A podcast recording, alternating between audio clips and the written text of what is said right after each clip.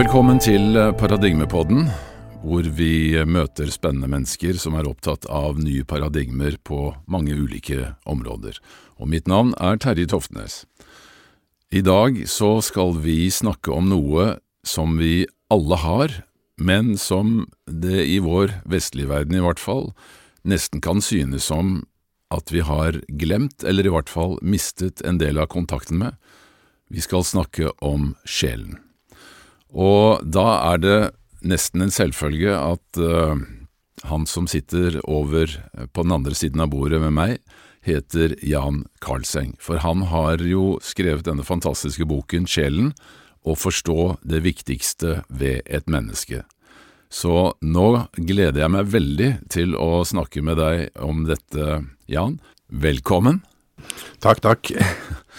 Du, denne boken din som kom ut, ja det er ikke så lenge siden, den har allerede nådd et ganske stort opplag, og det må jo bety at dette er et tema som interesserer mennesker.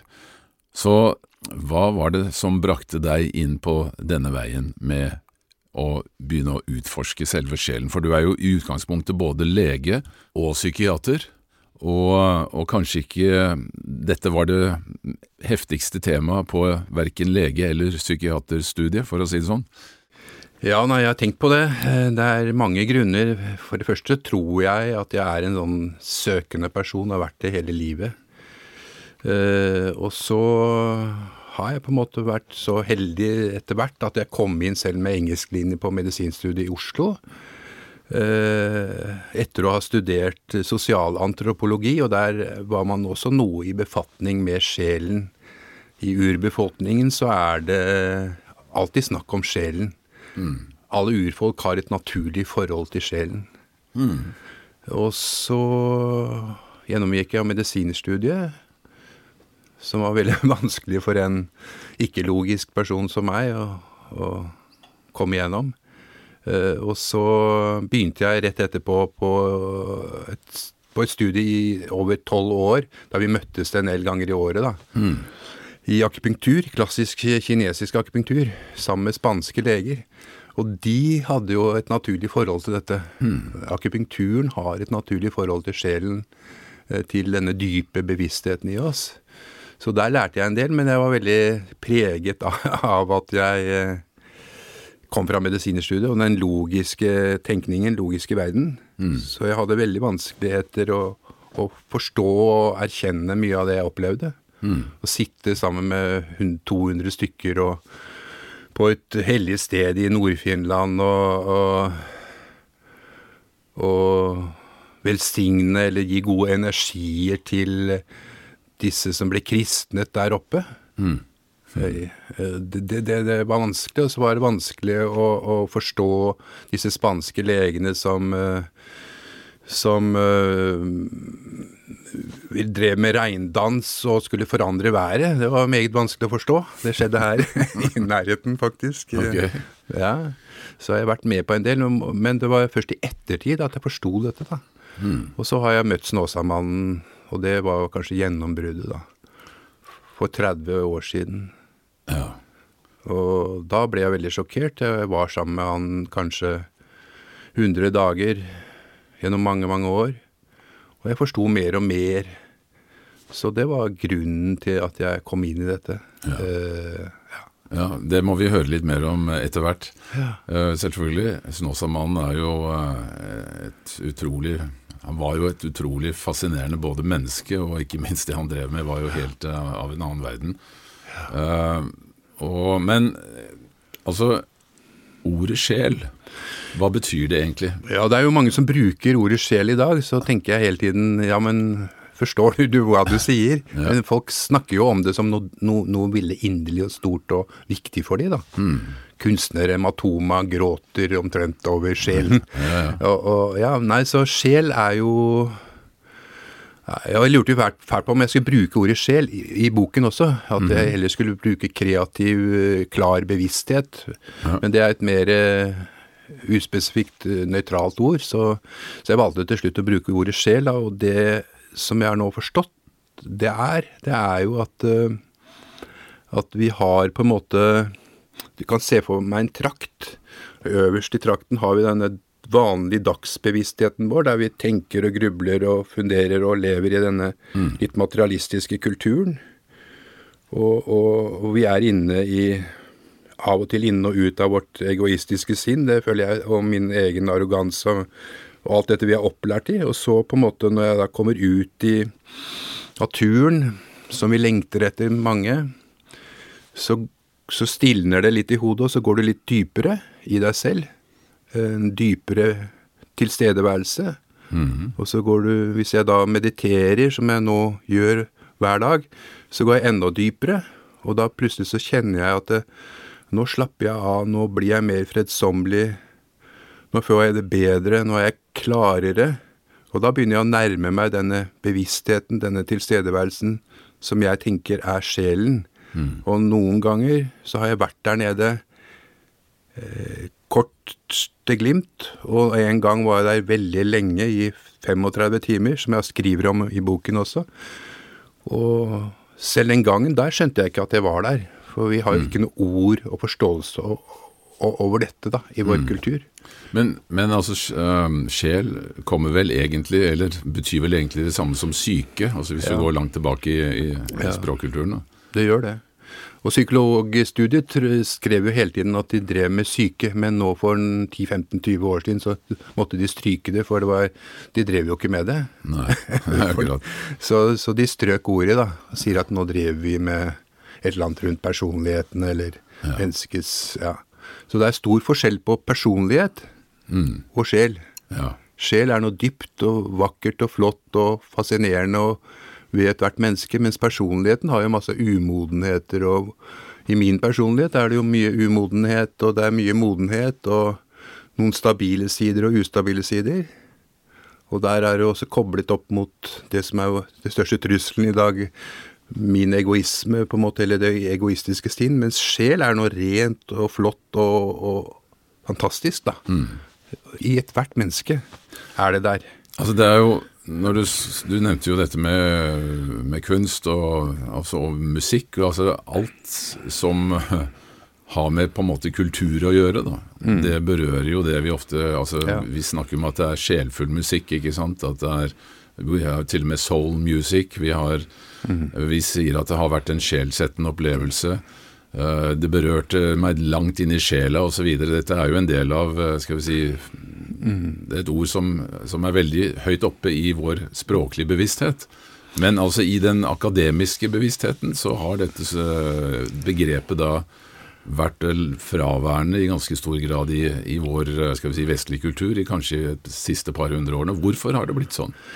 Ja, Det er en lang historie, og skal jeg ta den i korttekst? Jeg skriver litt om det også. Den kortteksten er jo på en måte at vi, at vi er på en måte underordnet makten og kontrollen. Og det skjedde jo f.eks. fra 1200-tallet til 1600-tallet i Norge. Da vi brant alle, alle de intuitive menneskene, eller kalte de for hekser. Ja. Maktens mennesker kalte de for hekser, og fikk de brent. Så det skaper jo en frykt i befolkningen, rett og slett. Eh, og så der har vi en blodig historie, og så har vi jo Descartes som en av de store filosofene som begynte å si at vi er våre tanker. Det var, på be- begynnelsen av 1600-tallet. 1600-tallet, ja. Og det er jo også en feil tolkning, eh, mener jeg helt holdent. Vi har tanker, men de er jo ikke tankene våre. Men han preget jo altså datidens ja. tenkning i veldig stor grad, og det, arven hans har jo vi tatt med oss helt inn i våre dager. Arven er der fremdeles inn på universitetene og skolene den dag i dag. Ja. Og det er helt utrolig. Ja, at den arven er der ennå. Deler opp mennesket, deler opp eh, ja, den oppdelingen. Så, og så Men altså han hadde jo Han oppnådde jo dette at uh, man kunne skille skal vi si, kroppen fra sjelen, og det var det som dannet utgangspunktet for moderne medisin. Da, at man kunne begynne å dissekere mens, eh, menneskelik osv. Ja. Det kunne man jo ikke før, for da var jo kroppen hellig. Ja. Så det var kanskje en positiv side ved denne splittelsen, da. Men eh, den Ja. hadde også da denne negative effekten. Det har mange negative, mye større negative effekter enn den derre effekten du nevner nevner der, da. Så, og så i Norge for eksempel, så, så hadde jo han professor, første norske professor i psykologi, Harald Schjelderup, rundt 1945, 46, 47, som laget medisinerstudiet, og som eh, Eller, nei, med det laget uh, psykologistudie i Norge, i Oslo. Ja. Og han og Arne Næss ble jo professor i filosofi, og så ble jo Harald Schjelderud professor i psykologi. Mm. Og da ville jo han gjerne ha med dette om sjel og det metafysiske inn i undervisningen. Ja. Og der skjedde en stor tragedie, egentlig, fordi Arne Næss og disse ville jo ikke ha sånn svermerisk tøv inne i undervisningen, Mm. så det ble neglisjert og motarbeidet av han og flere andre. Så det kom ikke, sjelen kom ikke inn i psykologien, Mm. og er der heller ikke ennå. Og det er også en underlig sak som snart håper jeg blir rettet opp. Men altså, er, er sjelen rett og slett et tema som blir for vanskelig i vår eh, vitenskapelig baserte, metodisk, logiske verden? Ja, det er for vanskelig. Vi aksepterer jo at kjærlighet eksisterer. Vi trenger ikke noe bevis for det. Vi, eh, ikke sant? Men sjel eh, er umulig å bevise det også. Kunstopplevelser er umulig å bevise. Sjel er For det er jo en tilstand du kommer inn i. Og, og så Så det er rett og slett eh, hovedproblemet er at det er for vanskelig for den mer sånn enkle naturvitenskapelige metode. Den kan ikke ja, Så derfor så Og hjerneforsker Johan Storm, som nå gikk av for to-tre år siden i Norge, han brukte hele livet sitt til å prøve å forske på bevissthet.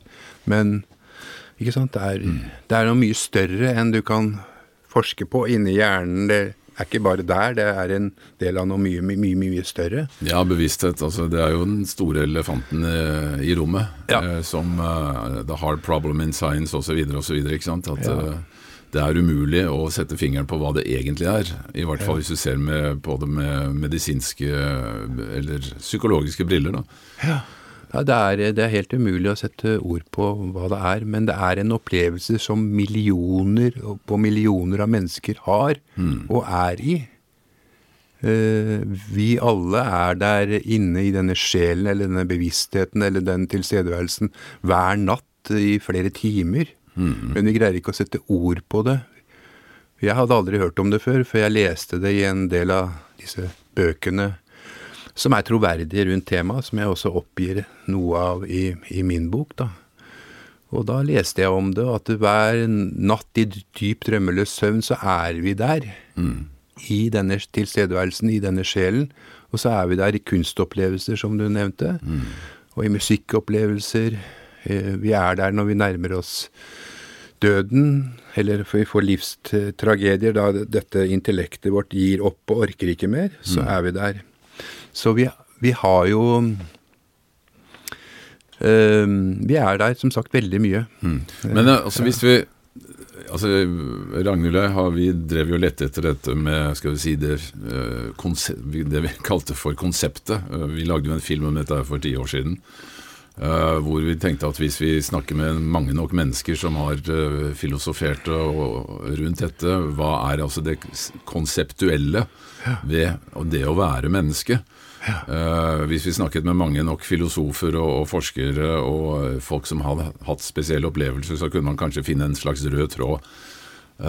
Og, så, og nå er det jo veldig mye eh, litteratur som kommer eh, om eh, skrevet av mennesker som f.eks. har hatt nær døden-opplevelser, som du også eh, har med i boken din.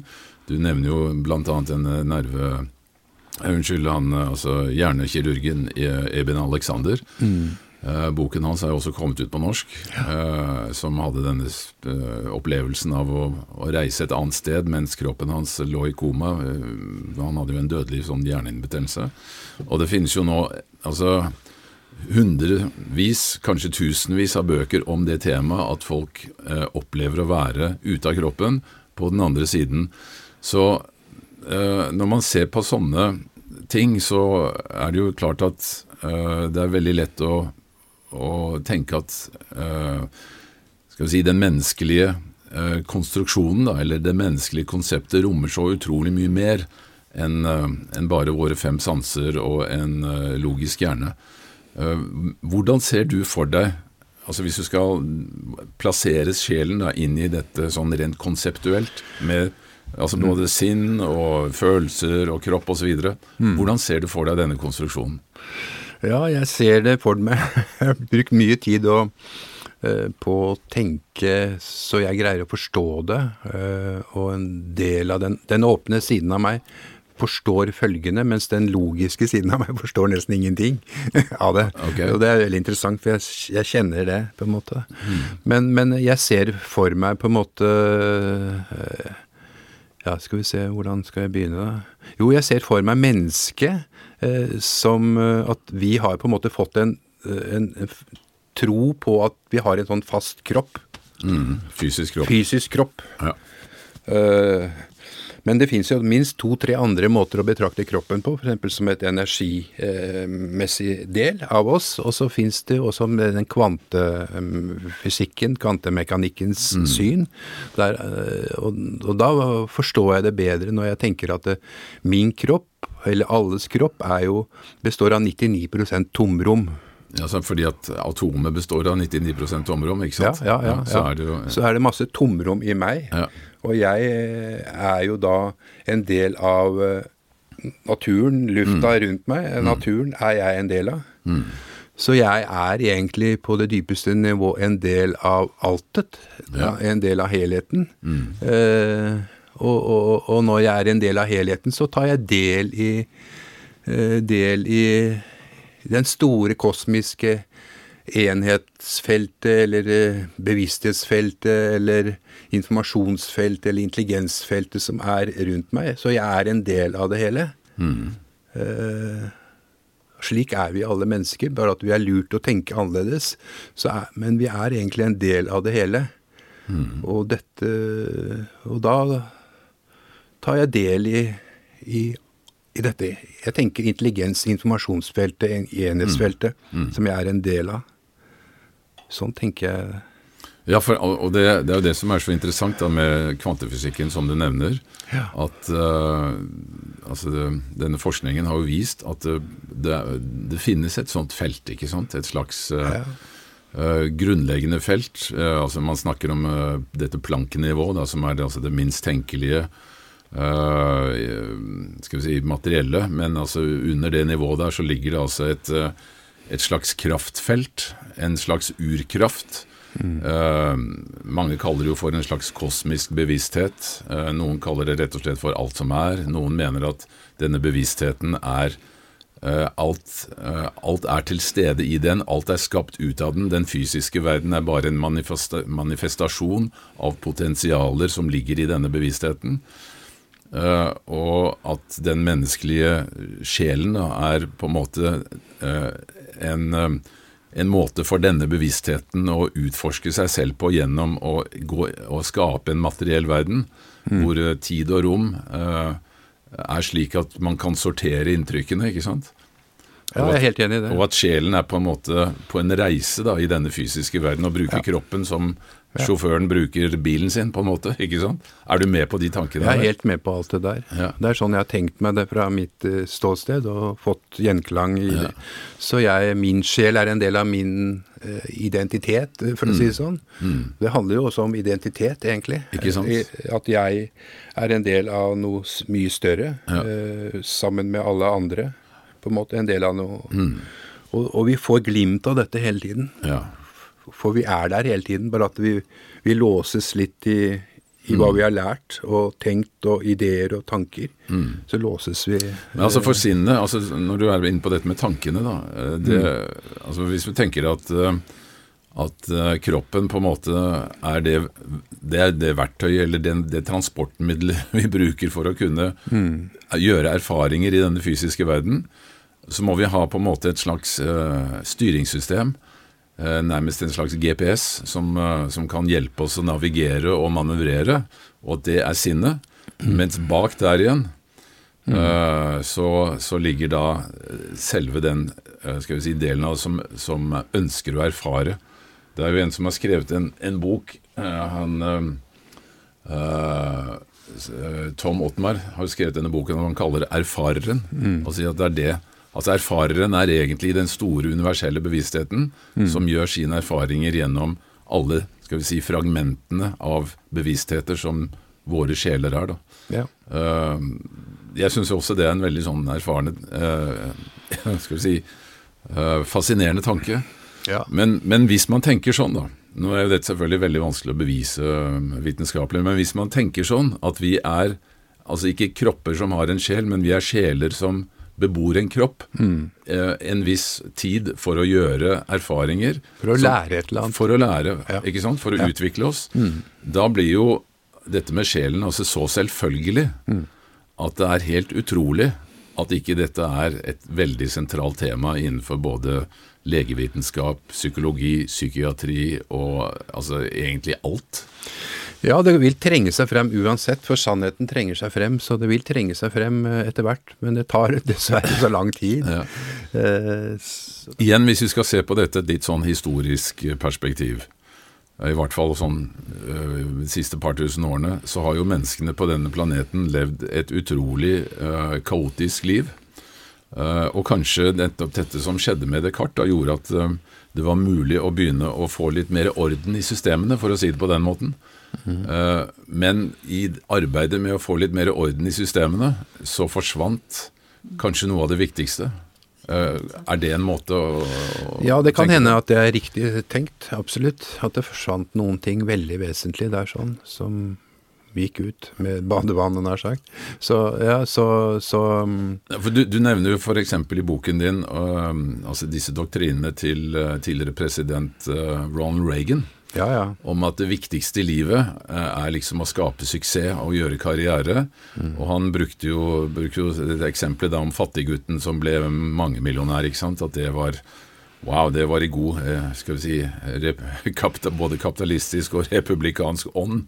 Mm. Og, og den altså, Den tankemåten har jo preget veldig mye av, av, eh, spesielt den vestlige verden. Ja, altså dette med identitet er noe som jeg også er opptatt av som uh, psykiater også. ikke sant? Hvilken identitet vi har, på en måte. ikke sant? Ja. Men, men, det vi får utdelt stort sett i vårt samfunn, er denne identiteten til Reagan, på en måte. At vi skal prestere og, mm. og gjøre en hel masse og få noen fine rykker og og, og, vi får da en veldig ustabil, usikker identitet. For når mm. jeg slutter å bli lege, hva, hva, hva, er jeg da? Eh, hva er jeg når jeg slutter å prestere? Så folk kommer over i et veldig veldig store utfordringer. Mange dør rett og slett pga. Altså det av dette her. Eh, fordi at de, de mister identiteten sin. Mm. For de har en veldig ustabil identitet mm. som refererer til eh, du, hvor flink du er. Istedenfor at du får den trygge identiteten mm. som kan bære deg hele livet. Og det er identiteten som handler om sjelen. Mm. Som handler om det trygge, at du er forankret i noe mye større enn deg selv. At du er har et usårbart senter i deg, og at du er en del av noe mye større og vakrere og finere. Mm. Det skaper en trygghet i meg. Jeg mener jeg har alltid vært et litt usikkert menneske, men jeg føler på en måte veldig på det selv også, så, mm. så jeg snakker en del om det. på en måte Den utryggheten jeg selv har hatt i meg eh, gjennom å ha vokst opp i et veldig ustabilt miljø som en slags kunstnertype. Mm. Men hvordan jeg da har eh, Får en helt annen identitet hvis jeg forstår at jeg er sjel. Ja. Og tar det inn. At jeg er en liten del uh, Som diktere sier jo dette veldig godt. Uh, jeg er et jeg har erkjent storheten i det å føle meg så uendelig liten, sier Børli i Under himmelen. Og han sier jo at du erkjenner at du er en del av det store. Mm. Og Jon Fosse skriver om det. Veldig mye om det. Mm. Olav og Hauge skriver om det. Uh, Fosse sier til og med at når jeg skriver, så er det noe annet som skriver. Ja. Det er ikke jeg som skriver. Mm. Det er uhyre interessant. Mm. For han, han, han, godtar det, at han er en del av sjelen når han skriver. Og så, og så er det noe i han som, som skriver. Det, altså Han erkjenner at han er en del av dette informasjons-, intelligens-, enhetsfeltet, bevissthetsfeltet, dette som har så mange ord. Mm. Og så er det noe i han som skriver, og det er fantastisk. At han har hjulpet oss. Mm. Så det er kunstnerne som hjelper dette frem. Ja, det mens, mens, Jeg husker jeg snakket med en eh, professor i, i psykologi og psykiatri som sa at eh, jeg, er veldig redd ennå, jeg, for, eh, for folk, kollegaene mine. Men jeg støtter deg 100% bare så du vet det. ja. Ikke sant? Så det er jo et yrkesforbud nesten vi sitter og snakker om her også. At, at, folk Bare vent noen år, Jan, så skal jeg be deg inn. Så flere sånne har jeg hatt, da. Og så er det en del som tør å vedkjenne seg dette. For det er ganske sterke krefter vi sitter og snakker om, da.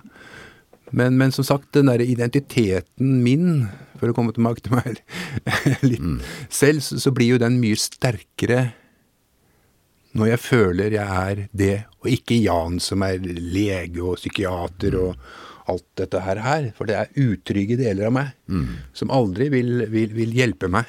Men det er jo veldig typisk når vi treffer nye mennesker, altså når du blir sittende sammen med et uh, ukjent menneske på et eller annet selskapelighet f.eks., så spør du hvem er du?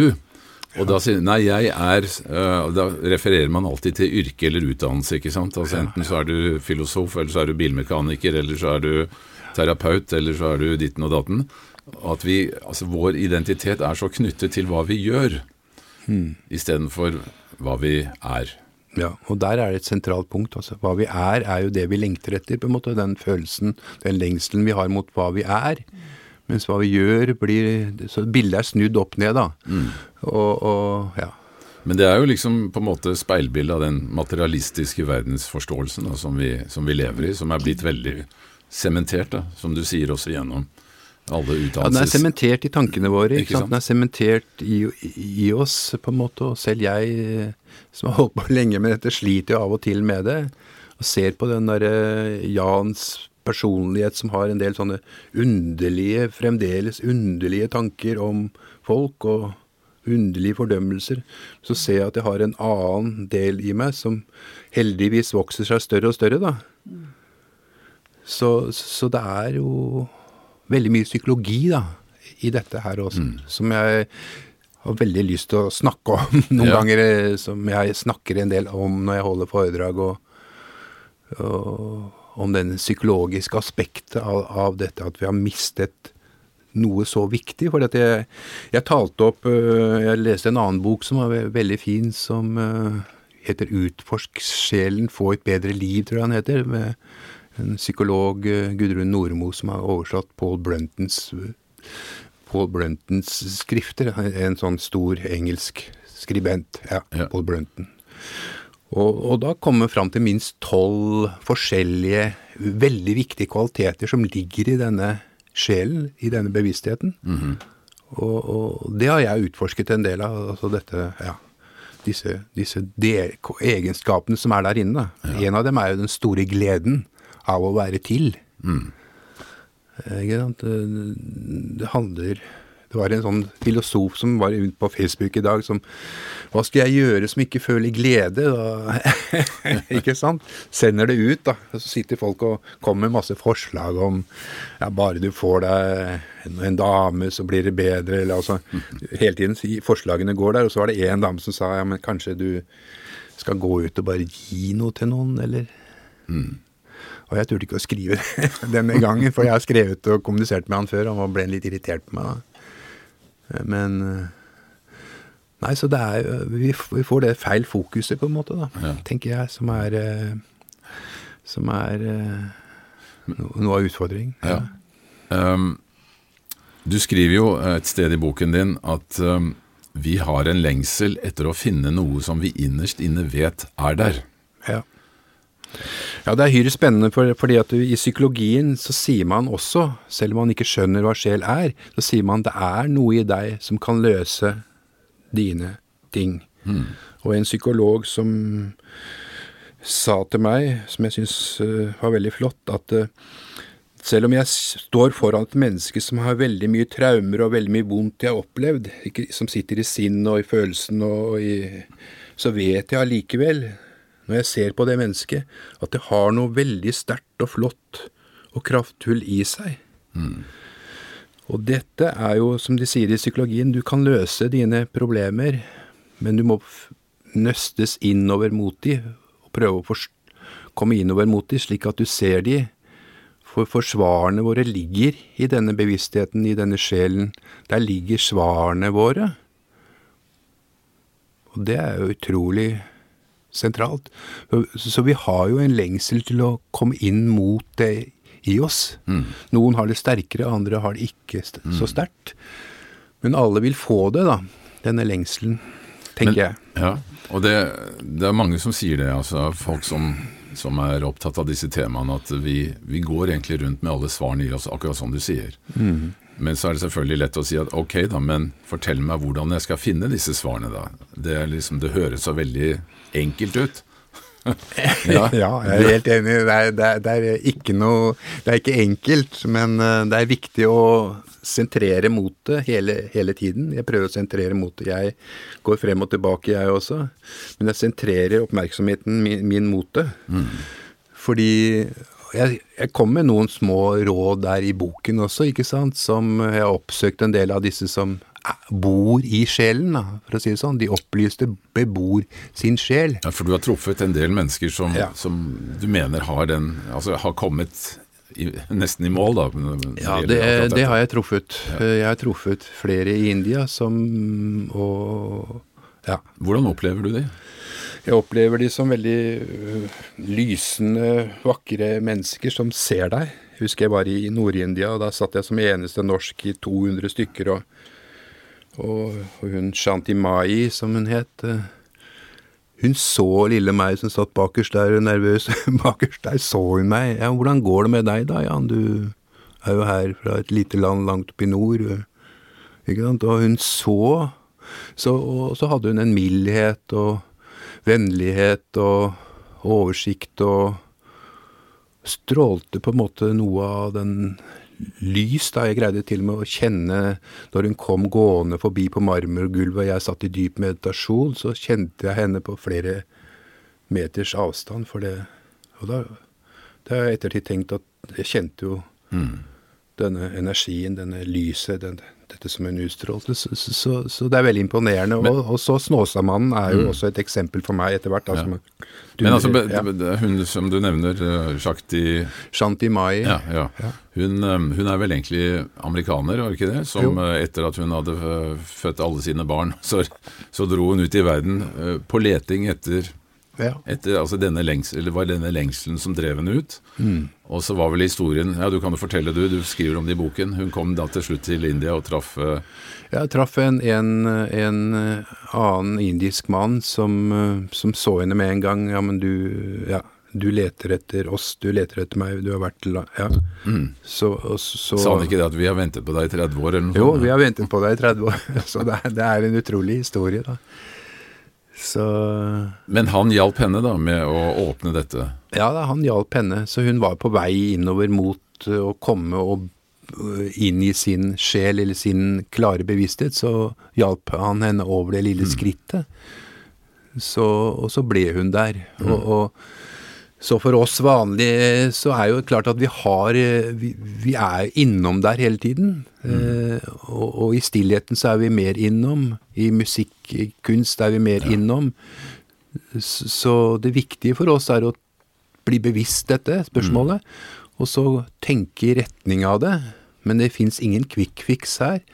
Men quick fixen ligger i det å, å erkjenne det og forstå det, og ta det inn over seg Og søke stillhet og ro, og, tenke sånn som Børli skriver. Jeg er et menneske, jeg har erkjent storheten i det å føle meg så uendelig liten. Altså i, i, i det hele. Mm. Uh, altså, det egoistiske sinn blåser deg opp. Mm. Og er det motsatte. Mens dette er er, er, denne ydmykheten og forsiktigheten og, og, erkjennelsen at du er som en bølge det store, på det store havet, eller du erkjenner at du er en liten del av den store helheten. Mm. For da kommer du mye nærmere det autentisk menneskelige i deg. da. Mm. Og det er viktig. Kjempeviktig. En annen som du også nevner, er jo Eckhart Tolle. Og jeg husker uh, var jo på et sånt uh, Han var i Oslo konserthus for en del år tilbake. Og det var jo helt sprøtt. Altså, der kom det en liten, uh, utselig mann og satte seg på en, en, uh, en trekrakk midt på scenen uten noe annet. Og så trollbandt han da en stappfull sal med 1200 mennesker i to og en halv time ved bare å sitte og snakke om sjel og tanker. Det var helt euforisk. Ja. Jeg vet ikke om du var der? Nei, jeg har ikke, jeg har ikke det. Jeg har, jeg har, Men du skriver om han i boken din? Ja, ja, han gjorde stort inntrykk på meg. Eh, stort inntrykk, Men jeg har aldri møtt han, nei. Aldri...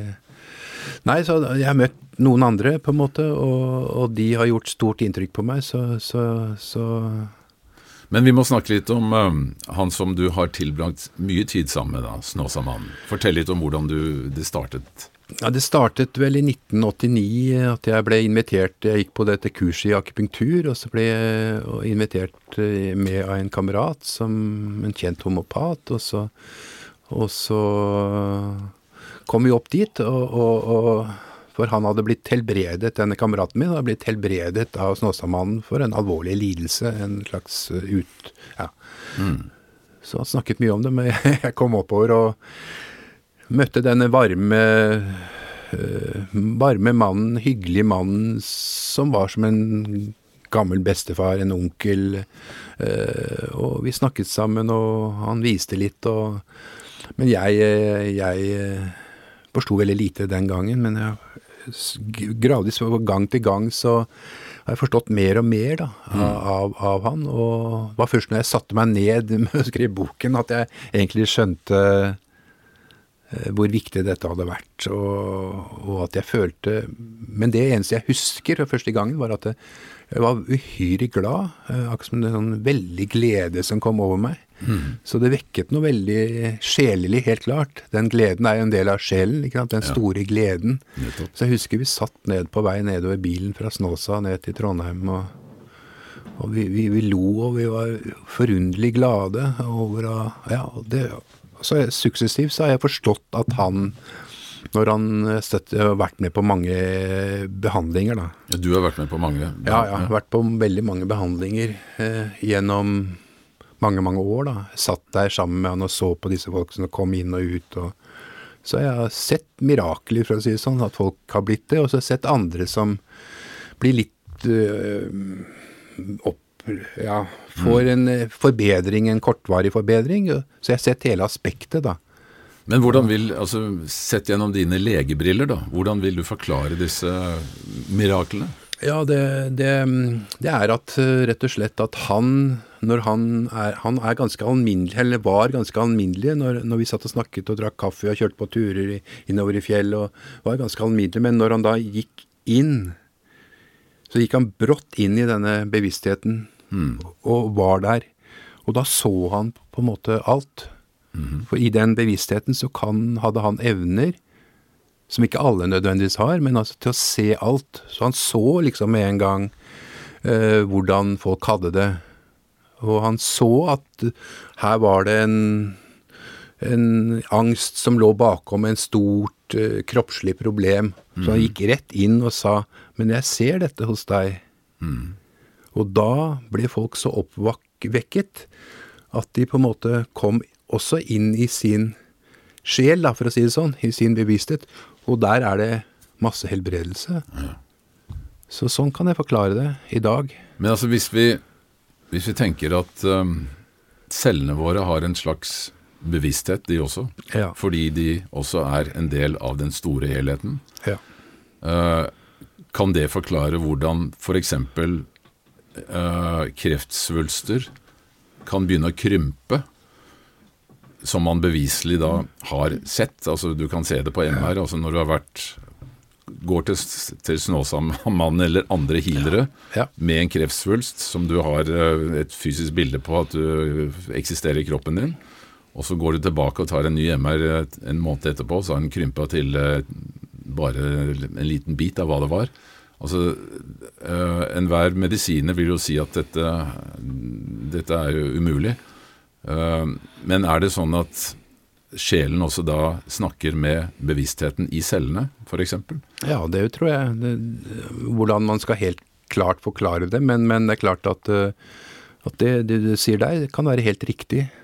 At, at de cellene Altså Vi tenker igjen at vi har mye tomrom igjen, ikke sant? som Ja. kvantemekanikken som er en sannhet om kroppen vår. Ja. Ikke sant? Og at, at eh, det åpnes opp en bevissthetsenergi der som påvirker celler, og alt påvirkes. Mm. Ja. Og det skjer hos noen, men det skjer ikke hos alle. Det er også et poeng, da. Ja. For da blir det liksom litt for mye halleluja, på en måte. Men det skjer hos noen. Mm. For jeg tror det ligger en dypere mening bakom det igjen. ja. Men, Eh, fordi at eh, Men alle som jeg så hos Snåsamannen, følte seg veldig mye lettet og bedre. Og noen fikk tilbakefall om 14 dager, noen fikk tilbakefall om fem uker, eller noen fikk om et år. Eh, Men no, og noen ble helbredet. Så jeg tror vi har en enda dypere forankring i at vi har en dypere vei vi skal gå. Uten, under der igjen. Så man kan ikke si at alle fikk det. nei, jeg skjønner. Nei, men, men at, at han åpnet dems egen helbredelse, dems egen sjel. Vi har jo, jo placeboeffekten, Ja. ikke sant? Så, så sånn tenker jeg i dag, da, at, at det var Men betyr det også, hvis vi tenker motsatt vei, da, at kroppen fremkaller sykdommer som et resultat av hvordan du har det i sjela di? Ja, det tror det. Jeg tror det på en, men da blir vi, kom vi inn i dette fryktelige dilemmaet skyld og skam i Norge. Og det, det er så vanskelig å snakke om. så at Det, det finnes jo ikke noe skyld og skam, det er bare konstruert. eh, Ikke sant. Ikke sant? Så, så jeg, jeg tenker jo at eh, Jeg fikk jo en alvorlig li- nyrelidelse når jeg var ung, f.eks., og, og ble bra av den eh, etter hvert, da. Men jeg tenker jo at uh, Hvorfor fikk jeg den nyrelidelsen? Mm. Jeg ble jo operert på Rikshospitalet, hasteoperert, og holdt på å miste begge nyrene. Oi.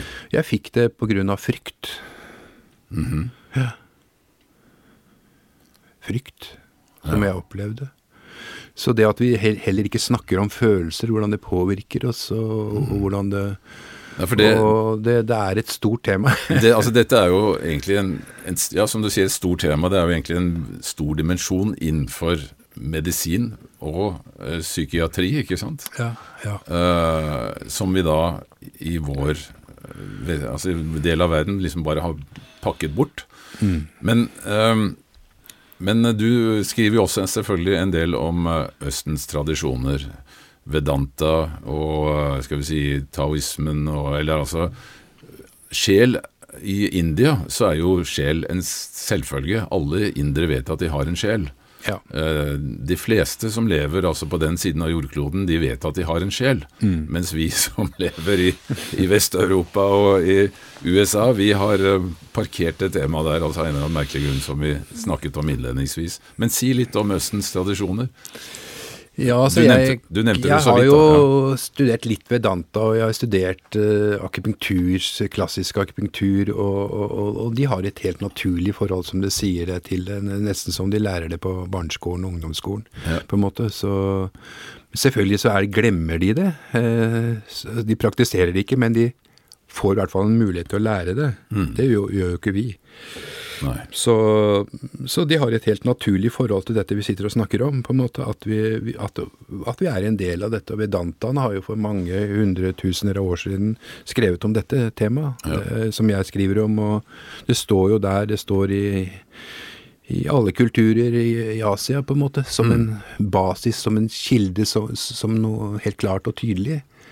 Så ja. Ja, det er jo eh, igjen eh, egentlig nesten ufattelig at ikke det er en del, like sterk del av vår kultur. Eh, Jeg må jo si at det Det er veldig trassig, og det er nesten sånn skandaløst, på en måte, Ja. at, at, at vi har latt oss kue av uh, makt, eh, logikk, rasjonalitet, uh, og latt dette Latt oss kue, og det, er, det går langt inn i faggruppene.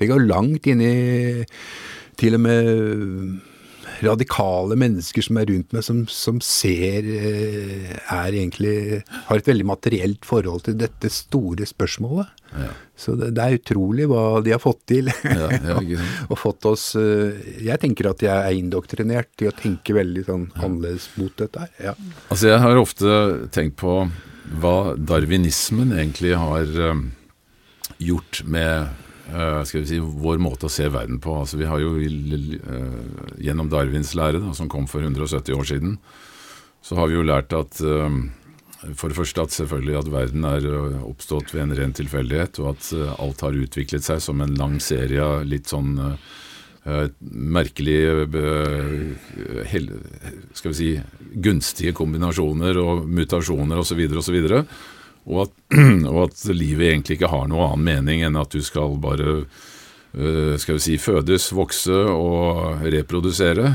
ikke sant? Mm. Uh, og at 'survival of the fittest', altså det at den sterkeste er den som overlever, Eh, det ligger jo veldig mye i bunn for hele vår måte å se samfunnet på. ikke sant? All form for business. Eh, det mm. handler om markedsandeler, at vi skal kapre markedsandeler fra våre konkurrenter. Mm. Uh, vi er veldig opptatt av konkurranse. altså Det, det er noe som, er veld, som fascinerer oss uh, voldsomt.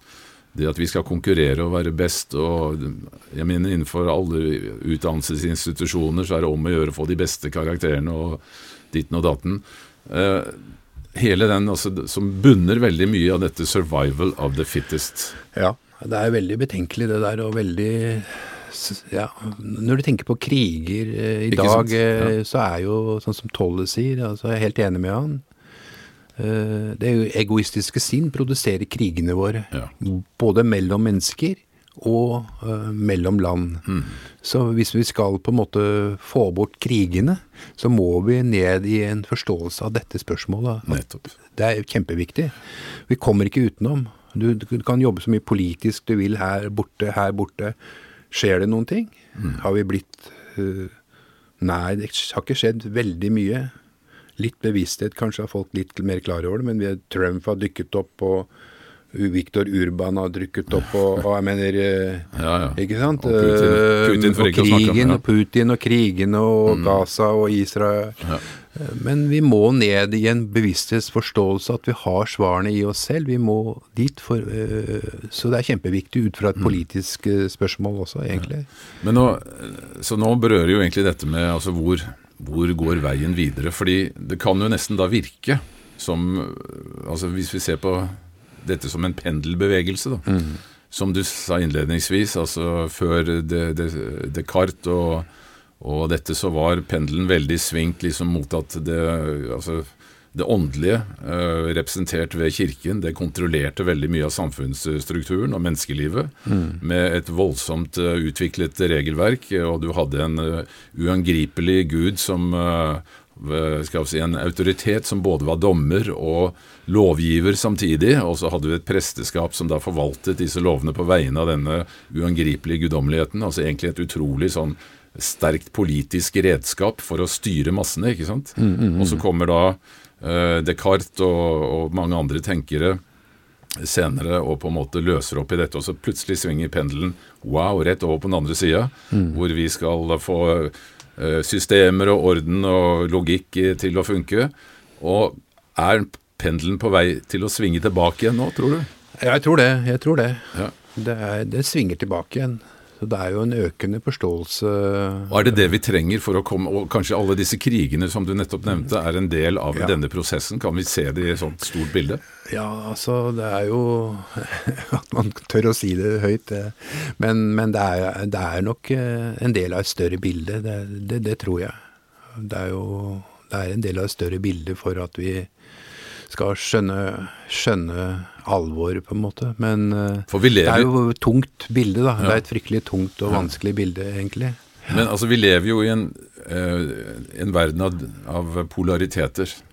Mm. Uh, dualitet. Altså igjen, hvis sjelen skal ha noe mulighet til å vokse, så må det altså finne et motstykke til alt. ikke sant? Du kan ikke vite hva som er varmt hvis ikke det finnes noe som er kaldt. Mm. Du kan ikke vite hva som er opp hvis ikke det er noe ned, osv. osv. Du kan ikke vite hva kjærlighet er hvis ikke det finnes en mulighet til å oppreve fraværet av kjærlighet osv. Så, mm. så det er jo på en måte Altså vi lever jo i en slags opplevelsespark da, hvor alle disse ingrediensene er med på å gi oss muligheter for vekst. Disse ja. spenningsfeltene. Ja da, jeg er enig i det. Men, men jeg syns det går sent også fordi folk blir så oppbrukt av tanker og tidsklemme og sånt, og de får ikke anledning til å til å tenke, til Mm. å fi, finne ut av dette her. Så det kan hende at vi bruker altfor mye tid, slik at vi på en måte ødelegger jorden før, eh, før vi begynner å våkne i det store flertallet, da. Eh, Hvordan er dette blitt nå med sosiale medier, hvor alle sitter med nesa og scroller i en mobiltelefon? Tragisk, ikke sant, med kunstig intelligens som skulle innføres i barneskolen omtrent i Oslo nå.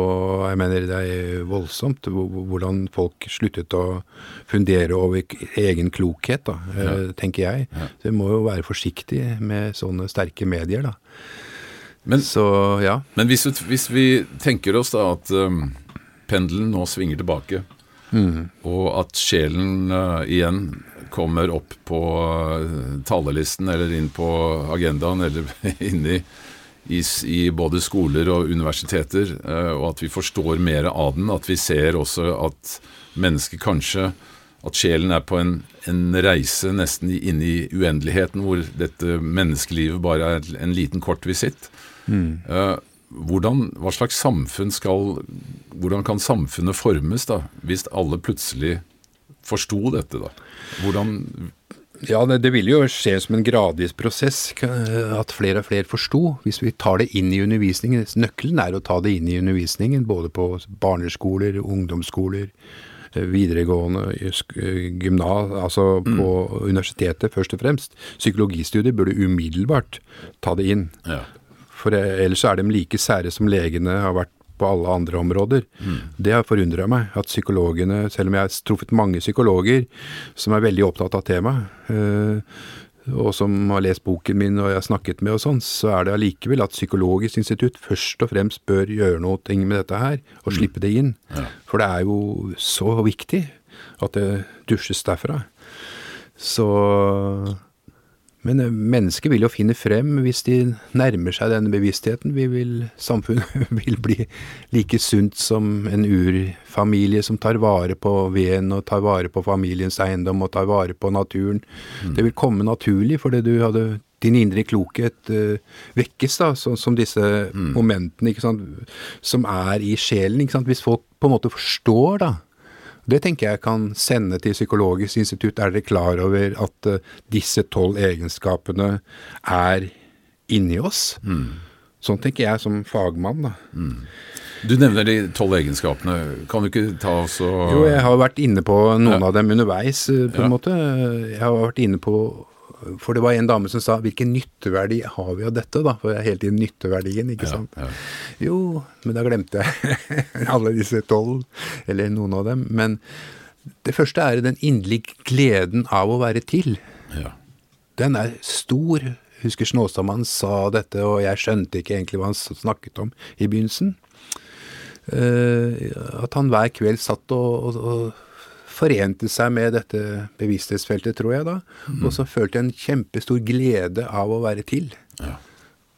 Og det kjenner jeg av og til, at jeg har, eh, den gleden er uovertruffen. Når jeg går ute, så kjenner jeg noen ganger sånn Jøss, nå ser jeg dette her, og nå kjenner jeg den lyset, nå ser jeg en glede. Mm.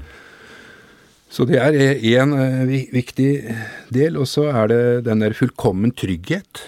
Ja, fullkommen trygghet, usårbart senter. Fullkommen trygghet. Det er kjempeviktig. Mm. Du Har du sett disse opplyste? De, de, de sitter i fullkommen trygghet. Mm. Du kan stå en sånn rabiat person og skrike til dem. Jeg har opplevd det. Sitter bare sånn. Ja, ja. Lar seg ikke affisere. Sitter i en usårbart, fullkommen trygghet. Og så er det den indre veilederen, ikke sant. Dette er det, Sjelen er den eh, veileder som veileder personligheten, veileder oss hele tiden. Det er en slags samvittighet, Ja. i ords rette forstand. ja, var det jeg skulle- spørre om. også. Samvittighet, ja. Er, er samvittigheten en, en eh, Ja. innbakt del av, sjelen? Ja, av jeg husker jeg fikk et sånt spørsmål. da Jeg underviste i en sånn sykepleierskole i Nord-Norge, og så det var en som sa Da kom jeg på det. Nei, men det, det, er, det er det. Mm. Hvis du ser samvittighet som noe sånn rent og ikke koblet til noe egoistisk, men Ja. Ikke sant? Ja.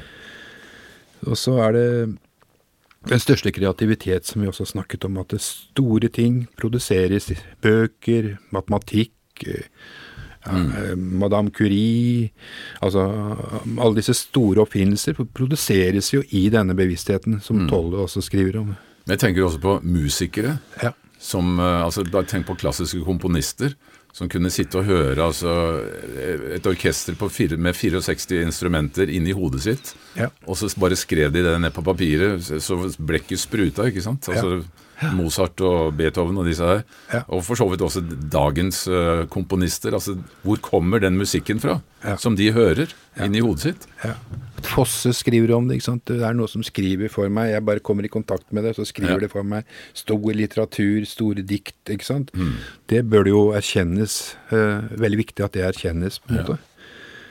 Så også den følelsen av av å være i ett med alt, det er også en evighetsfølelse i det, ikke sant? Mm. Som også er en veldig viktig egenskap. Altså du, du er i ett med alt og får en evighets... Du får en forankring til noe mye større. Ja. Når Og det, er ikke- gjelder døden, når det gjelder livet. Det er også en egenskap som ligger der inne. Og det er ikke bare en forankring og en følelse at du er ett med alle andre mennesker, men det er egentlig altså all natur, alt rundt deg, hele universet egentlig. ikke sant? Ja, du er i ett med det. Du får den følelsen. Jeg syns det er veldig stort å sitte noen ganger hvis jeg roer meg ned inn i skogen og føle den følelsen. Det er veldig, veldig, veldig fint. Og helsen har vi jo snakket om, ikke sant? Eh, At, at det har en veldig spore til å bli frisk. Hvis du kommer i kontakt med det, og hvis det er rett tid for deg, da. Ikke alle som kan sies, men Og nåden er jo et, eh, et ord som brukes i kristendommen, men det brukes også Snåsamannen kalte den gode kraft. Er det samme som nåden.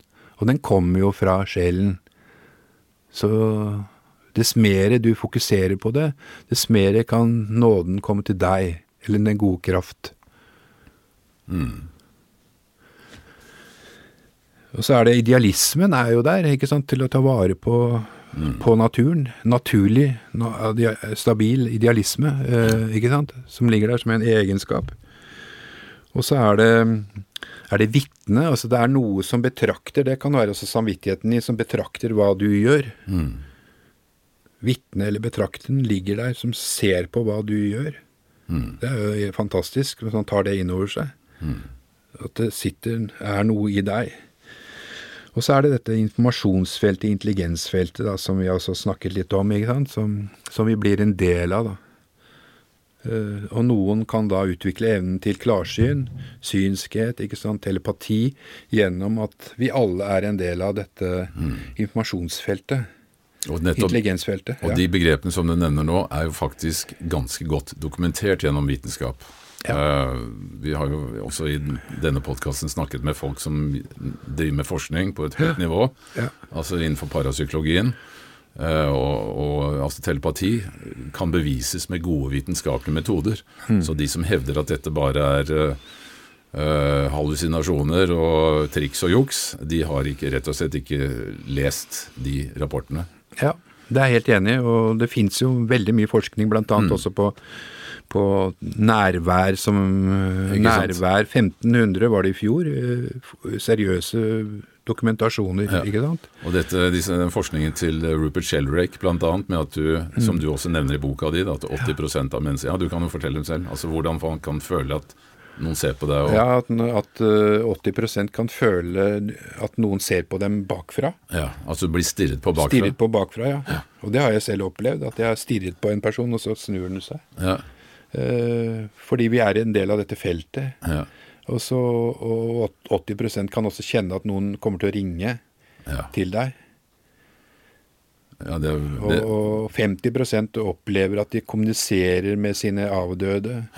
Det er også vitenskapsdokumentasjon på. ja. Jeg Så, var, så det er ganske overveldende. Ja, jeg var på et foredrag med en amerikansk dame som har opprettet en egen organisasjon i USA for, øh, altså, øh, for folk som har mistet ektefeller eller barn, og som snakker med dem. Og dette er liksom så kjent at Hun har laget et svært studie da, på dette med å og også veileder folk da, som snakker med sine avdøde. For hun mistet mannen sin selv og har snakket med han siden. liksom. Ja. Så det, det er i ferd med å sive inn, da. Ja, folk tar det Der snakker ikke folk uh, mot deg. Eh, Nettopp. Når jeg sitter og sier at jeg snakker med moren min når jeg er på graven, Og jeg føler ikke det er noen hallusinasjon, jeg føler at jeg snakker med henne. Ja. Eh, Og det er veldig mange som opplever, da. Og, og, og jeg husker jeg var sammen med Snåsamannen en gang. Vi kom, kjørte mye bil, og så kom vi til en mann som hadde mistet kona si eh, i, i et sånt Ja, vi sto og satt og så utover vannet, og så går han rett bort til han og sier Ja, du snakker med henne hver dag, ja. Og han begynner å gråte, en som ser det. og Veldig rørende øyeblikk, syns jeg. Da, og at han, nei, han snakket med henne hver dag. Hun sitter her. Vi snakker sammen.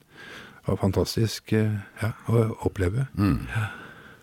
Og det som også nærdøden-opplevelser, og de Ja. der som jeg også skriver litt om hun den amerikanske psykiateren. eh, Kubler-Ross. Kübler-Ross, Elisabeth Kübler-Ross, ja. Om de, disse Uh, Hun satt jo på disse highwayene i USA, ikke sant, og så kommer det store bilulykker, og så skulle hun følge folk inn mot døden med det teamet sitt på 20 stykker, og hun gjorde det gjennom mange, mange år. Og det ble jeg like rørt av hver gang, den der øh, følelsen av at uh, den lille gutten som hun sitter ved siden av, som er veldig hardt skadet, og som sier til henne noe som hun har opplevd hundrevis av ganger. Den lille gutten sier Ja, men mamma og pappa De er døde, de er der på den andre siden, og nå gikk også søster, søsteren min over. Men de tar meg imot. De tar meg imot. Jeg ser de, sa den lille gutten. Ja. Ja. Utrolig sterkt. Ja. Ja, utrolig sterkt. Det står jo mye i den boken til Kybler-Ross, da, ja, som jeg hentet Nei, så det er jo, altså Man snakker om dette, skal vi si, den astralverden, da, at, vi, altså at døden egentlig bare er en transformasjon. Ja, og mange sier jo også det at uh, denne astrale dimensjonen, eller som er helt parallell, som ligger kanskje bare noen centimeter utenfor kroppen vår, Ja, ja. er egentlig virkelighetens verden, mens den fysiske verden er på en måte bare en slags projeksjon for Ja. at vi skal leve i en illusjon av at det er ekte, ikke sant? Ja. Uh, ja, så det er Jeg tror, jeg tror på det, altså, for eh, du kjenner noe annet. Hvis du er litt dypere i deg selv, så kjenner du på en måte noe annet. Og det, det, jeg driver jo meditasjon, og det måtte jeg gjøre for å skrive boken også. Jeg kunne ikke skrive noen ting av det hvis ikke jeg hadde meditert en halvtime til en time, og plutselig så kom jeg inn i dette rommet, og nå ble alt klart, og så kunne jeg skrive. For da var jeg ikke forstyrret av alle disse intellektuelle, logiske tankene mine, men jeg måtte gjøre det. Og vi har hytte på Finnskogen, og der satt jeg og skrev hver morgen i en hyre stillhet, og det var så fantastisk å skrive der, da, for da trengte jeg ikke så mye for å komme inn. Inn, inn, i, inn i disse rommene, inn i disse delene av meg, da. Så Man snakker jo ofte at man går inn i en slags boble, da. Ikke ja, sant? en boble, en flyt, en boble. Og jeg kjente, kjenner bokstavelig at jeg på en måte At du går innover og innover, og så plutselig så stilner tankene, stilner det hele. Og så kjenner jeg at ja, nå blir det klart, nå kan jeg gå inn, inn mot det mest utfordrende. Og nå kan jeg skrive, nå ser jeg det plutselig. Så det der lagene der eh, har jeg vært veldig opptatt av, egentlig. Å gå innover. Så bare for å si de to siste, da. Ja. Så intuisjonen kommer derfra. Intuisjonen springer jo frem fra dette informasjons-, intelligens-, sjelelige feltet, da. Fram. Altså, det er jo, må jo være noen av sjelens viktigste uh, attributter, er jo dette med kreativitet. Mm. Og, uh, og jeg tenker også på glede som et stikkord, som du nevnte i stad. Ja, ja. Men også humor og Ja, latter. Altså, hvorfor har altså Hvis vi bare var utviklet av rent sånn materialistiske tilfeldigheter, hvor i all verden kommer humoren fra, da? Ja, ja, ja. Altså, hvor kommer evnen til å le og smile? Altså. Det er jo helt Er den, kjen- den gleden som Ja. ligger der, på en måte. Så, og, og Og det er jo, det er noe av det altså, sterkeste bindeleddet mellom mennesker er humor. Ja. Personlig, jeg har jo reist mye rundt på denne kloden, og jeg opplever at uansett hvor du kommer, hvilke kulturer du kommer fra, så, så, har, så lever vi ofte av de samme tingene, ikke sant? Ja, ja, ja. Det er noe veldig universelt der. og Vi Ja. snakket jo mye om det i akupunkturen, at det er noe veldig universelt. Så han læreren jeg hadde, han var jo en som skjønte dette vi snakket om, og, og som sa at det skjer jo overalt det samme her, sånn det universelle. Vi er en del av det, selv om vi har sånne visse fasetter som vi lærer som er litt Ikke sant? så er det jo Så Nei da, men som sagt så Og intuisjonen den gir oss jo hele tiden eh, signaler fra dette sjelelige kreativitetsfeltet. Det er et sånn evig oppkomme. Evig oppkomme som kommer til oss, som advarer og sier til oss og snakker til oss og meddeler seg til oss. Men vi er så lite vant til å lytte til det. Og så blir det litt surrete, og så vet vi ikke om det er en egoistisk tanke, eller er det en intuitiv tanke. Er det noen som spør, spør, om når jeg holder foredrag, hva er forskjellen på det? Det er jo ganske interessant, fordi at eh, en egoistisk tanke, den gagner deg. Mm. Mens en uh, intuitiv tanke gagner helheten. Ja, fin måte å si og, Ja, det, det, det, lærte jeg. Men allikevel, altså vi trenger jo et ego. Vi trenger et ego. Og vi trenger, vi trenger et intellekt og et sinn, ikke sant? trenger alt sammen. For det er altså det verktøyet vi bruker for å manøvrere og navigere i denne uh, ja. fysiske verden.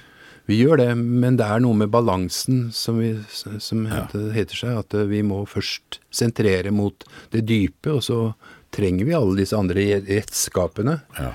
Men vi skal ikke være redd for at de forsvinner. Jeg er aldri redd for at hvis jeg går innover mer og mer mot sjelen, at de forsvinner, for de vil alltid være med meg. Ja. Men det som jeg mangler, er jo min mer og mer kontakt med denne Nettopp. delen av meg. Nettopp. Det er det jeg mangler. Eh, for da har jeg det mye bedre på alle plan, tenker jeg. Sånn. Du hadde et punkt igjen der et også? Et punkt igjen er jo meningen med livet, da. Ja. Altså meningen med livet er jo å forenes med sjelen. Mm. For den skal opp, lære opp personligheten til å bli klokere og klokere. Mm. Og så etter hvert så skal du forstå at det er sjel du er. Ja. Så det å ende der som meningen med livet er ja, det er meningen mm. med livet. Men mener du da at personligheten er noe som skapes av uh, de ytre tingene vi møter når vi vokser opp? Altså er, Personligheten er med på å formes av ytre ja. omstendigheter? Eller altså hvis vi tenker på astrologi, da. Mm. Så kan, vil jo en astrolog si at du, avhengig av hvor du er født og på jordkloden og hvilket tidspunkt, så vil du ha da de og de karakteristika i din personlighet. Akkurat som det virker som du har fått med deg en, nesten en slags ryggsekk med spesielle egenskaper eller spesielle evner som vil påvirke hva du skal utforske i dette livet. Ja, det, den kjøper jeg. At jeg, jeg har fått en del evner for å Evner i livet, på en måte. Ja. Uh, som jeg skal utforske, og som jeg skal utfordre. Det er jeg enig i, og, og jeg har dannet en personlighet ut ifra, ut, ut, ut ifra hva jeg har opplevd i dette livet. Ja. Og så tar jeg med meg noen reminiscenser fra tidligere liv inn i denne personligheten min. Så det blir en slags blanding, da? Ja, det blir en blanding av begge deler, tenker jeg. Ja. Og så har jeg helt åpenbart uh, utfordrende ting, umodne sider av meg, som jeg skal prøve å utforske og prøve å ja. ja. Og bak der ligger uh, denne sjelen som prøver å hjelpe deg. Ja. Hjelpe deg her sånn. Så, så, så Oi sann. Så, ikke sant? Så, så, så, personligheten er det ytre cellet mm. mitt, mm. mens sjelen er det innerste cellet mitt. Ja. Innerste jeget mitt, eller ja, hvordan man skal si det. Ja. Altså Det er jo et veldig forståelig bilde. Men du, um, det som selvfølgelig altså Nå er jo vi veldig opptatt av logikk, da. Og da vil logikken si at ok, uh, hvis du sier at sjelen har alt i seg, uh, så er jo da naturlig spørsmålet hvorfor har den da behov for å gå på skole i denne fysiske verden for å lære mer? Uh, betyr det at, at sjelen, og kanskje også helheten, er i en evig utviklingsprosess, eller er det noe annet som ligger bak dette? Hva tenker du om det?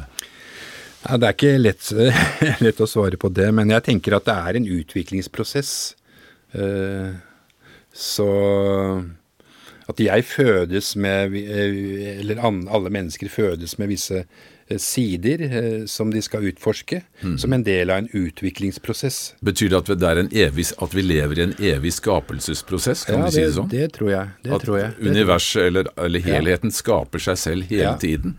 Ja, jeg, jeg tror at, eh, at, det er en evig Jeg vet ikke, for det er ingen som uh, vet alt om dette spørsmålet i det hele tatt. Mm. Det, det, sier jo alle vedantaene og ja, altså Selv de opplyste? Selv de opplyste sier at uh, Snåsamannen spurte og vet ikke alt. Nei, det er mye vi ikke vi vet, men vi vet en god del om det. Mm. Det var det som er, vi sitter og snakker om her, som vi vet noe om. Men uh, denne utviklingsprosessen Jeg tror at sjelen er, er noe helt sunt og sant. Det mm. tror jeg. Og da mener du også at vi sannsynligvis lever flere liv? Ja, ja. Det mener jeg. Så re reinkarnasjon, øh, det er en del av konseptet, for å si det sånn? Det er en sentral del av forståelsen av at vi skal utvikle oss hele tiden fremover og fremover mot å bli det beste bildet av oss selv. Ja. Bli sjel til slutt. Ren sjel. Ren bevissthet. Ren sjel, ren bevissthet. Det er prosessen vår, det er meningen med livet. At ja. vi skal bli det. Ja. Så det er en Jan, dette her syns jeg har vært en utrolig spennende samtale. Og jeg må også si at denne boken din eh, Jeg skjønner at du har brukt ti år på å skrive den, fordi det virker ikke som eh, et eneste ord her er tilfeldig valgt. Og du bruker veldig mange fine eh, formuleringer. Og man blir utrolig glad av å lese denne boka. Du treffer noe, i hvert fall så traff du oss, både Ragnhild og meg, på et veldig dypt nivå uh, med dette, og jeg vil bare anbefale den på det varmeste. Hvor, hvor, uh, hvor får man tak i den? Nei, Den får du tak i på, overalt på bokhandler og på nettet og ja, på nettet. Ja. Og så kan jeg også gjerne komme til grupper uh, Ja, for du holder en del foredrag? Ja, hjemme hos folk også. Jeg mener, jeg, jeg gjør det.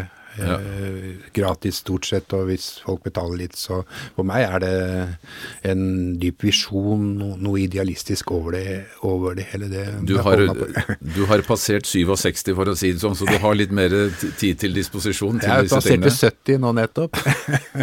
ja, Men det gjør meg vital og gjør meg veldig glad å snakke om det, så, mm. så det gjør jeg gjerne. Ja. Tusen, tusen takk, Jan. Du er en du er en veldig viktig budbringer, det er jeg helt overbevist om. Dette er en oppgave som, eh, ja, som du har fått på et eller annet nivå, og jeg syns du, eh, du utfører den på en veldig bra måte. Så takk for denne samtalen, og lykke til videre med arbeidet ditt. Takk, takk selv. Ja, stor takk til eh, Jan Karlseng, både for at han har skrevet denne sjelsettende boka, for å si det sånn, og for at han deler både tanker og erfaringer om dette sentrale temaet med oss. Helt til slutt vil jeg igjen minne om vårt vips nummer som er 524005 524005. Selvfølgelig er vi kjempetakknemlige for alle bidrag til å støtte arbeidet med denne podkasten. Og takk til alle som allerede har gjort det. Vel, da er det bare å si takk for nå, og velkommen igjen til neste episode av Paradigmepodden.